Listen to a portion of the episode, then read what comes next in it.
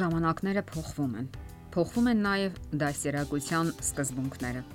Եվ դա զարմանալի չէ, որովհետև այսօր մի փոքր այլ է իրականությունը, քան ասենք նույնիսկ 10 տարի առաջ։ Այսօր երեխաներն ավելի տեղեկացված են եւ ավելի մոտ են գիտատեխնիկական առաջընթացի նորույթներին, ինֆորմացիոն տեխնոլոգիաներին։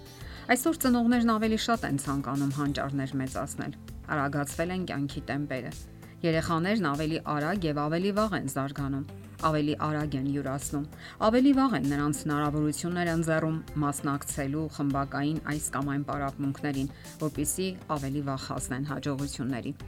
Սակայն անհրաժեշտ է ճիշտ պատկերացնել այն իրողությունը, որ երեխայի երջանկության եւ հոգեկան առողջության համար միանգամայն այլ բան է պետք։ Անկասկած է, որ կարևոր են ջանքերն ու ժամանակը, սերը, որpիսի ճանաչողական հետաքրքրություն եւ շարժման ծարավ ներարկվի նրանց մեջ, եւ այդ բոլորն ի վերջո կտա իր արդյունքը։ Երբ ծնողները դադարում են աճել ու զարգանալ, երեխան կորցնում է հետաքրքրությունը նրանց հանդեպ։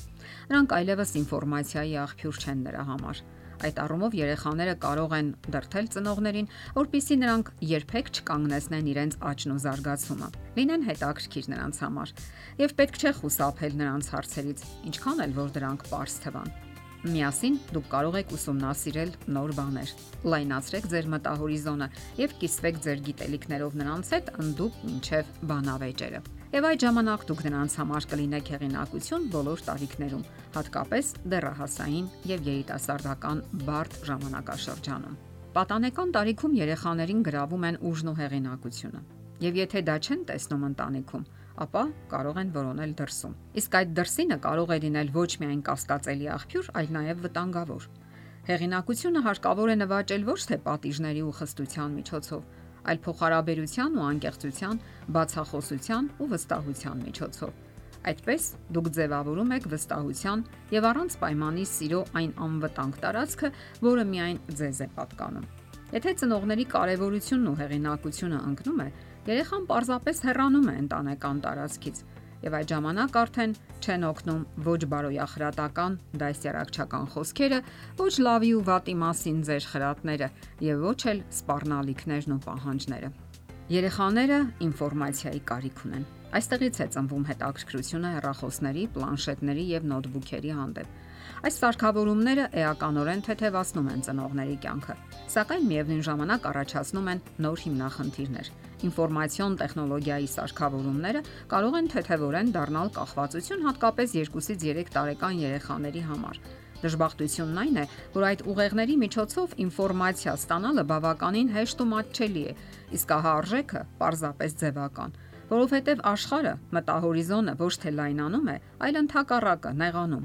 Եվ գլխավորը, այդ ինչ աշխարի հետ է նա ծանոթանում։ Հարկավոր է իմանալ, որ մատչելիությունը սپانում է հետաքրքրությունը։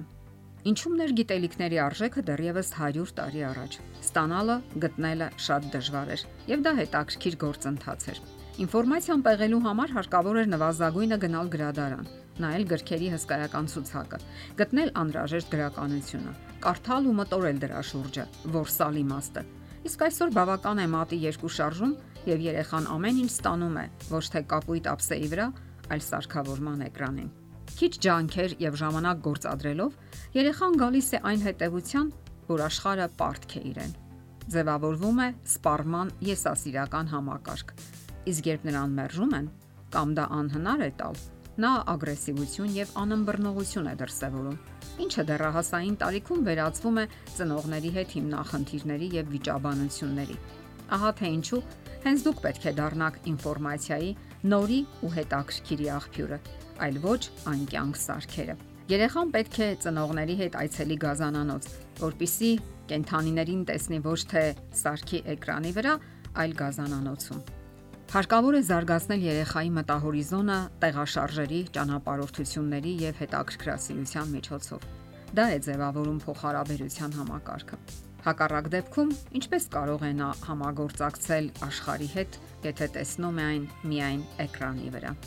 Երբ երեխան փոքր է, հարկավոր է նրան սովորեցնել, որ դրսևորի իր ցանկություններն ու պահանջմունքները։ Ավակ դպրոցական հասակում անպայման parzabanեք նրա հույզերը եւ օգնեք երեխային ընկալելու այդ երևույթն ու դրանց անվանումները։ Օրինակ,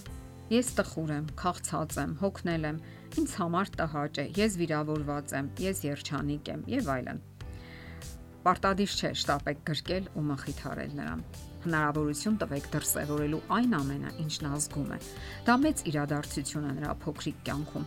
Իսկ դուք սովորեցնում եք նրան փոխհարաբերության արվեստը։ Վաղ հասակից նրա մեջ պետք է ձևավորվի կարևոր իմաստային շղթա։ Ես զգում եմ, ես խոսում եմ եւ դա անվտանգ է։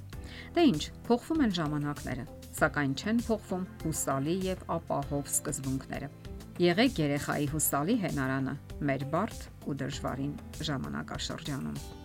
Եթերում է ընտանիք հաղորդաշարը։ Ձեզ հետ է Գեղեցիկ Մարտիրոսյանը։